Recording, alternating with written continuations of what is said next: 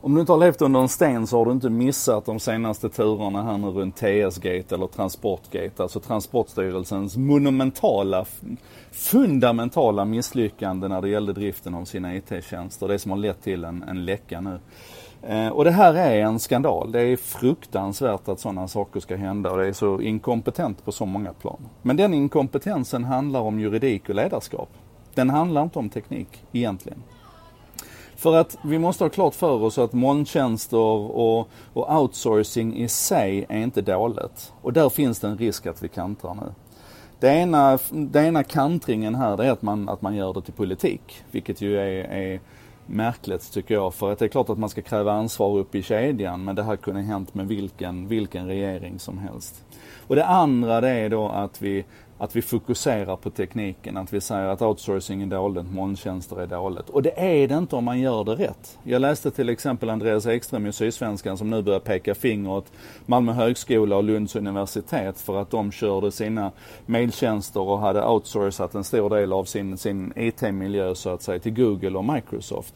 Och det där är helt okej. Okay. Det får man lov att göra. Det är juridiskt okej okay att göra om man gör det på rätt sätt. Just de här upphandlingarna av molntjänster från offentlig sektor har Datainspektionen tittat på i flera omgångar och det är okej. Okay. Man pratar om, eh, om eh, Eh, i det här fallet att, att, att det hostas utomlands och sådär. Men det är inte det som är det viktiga utan det är vilka avtal som reglerar det här. Och inom EU så har vi Safe Harbour lagstiftning som, som när man gör det rätt ser till att det här är okej. Okay. Man pratar om att det är privata leverantörer men det är inte heller problemet igen, om du har schyssta avtal och koll på kedjan så är det inget problem att privata leverantörer står för den här leveransen. Jag skulle till och med vilja påstå att det faktiskt är bättre än att vi har ett statligt IT-företag liksom som ska, ska drifta alla statliga tjänster. Jag är inte en speciell varm anhängare av det.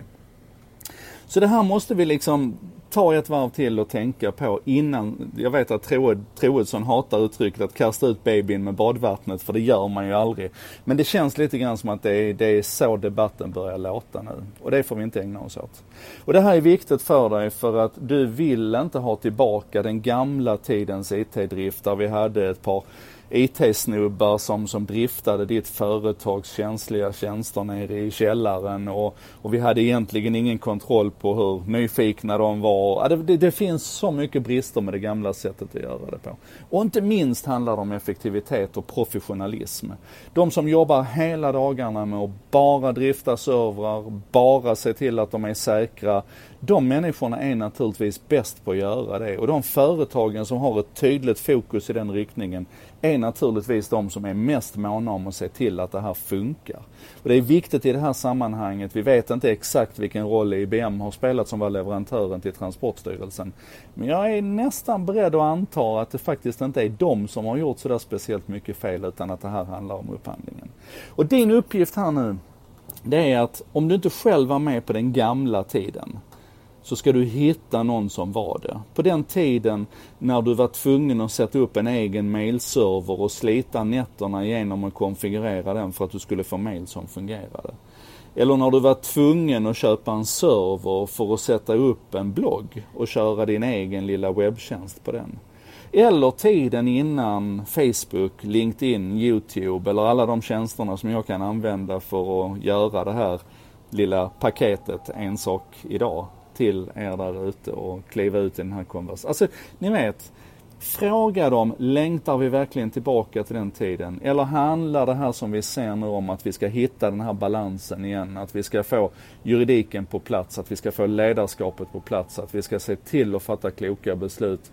Och faktiskt tror jag lyssna på teknikerna för att de som nog försökte blåsa i visselpipan inom Transportstyrelsen här, det var de som förstod hur tekniken fungerade.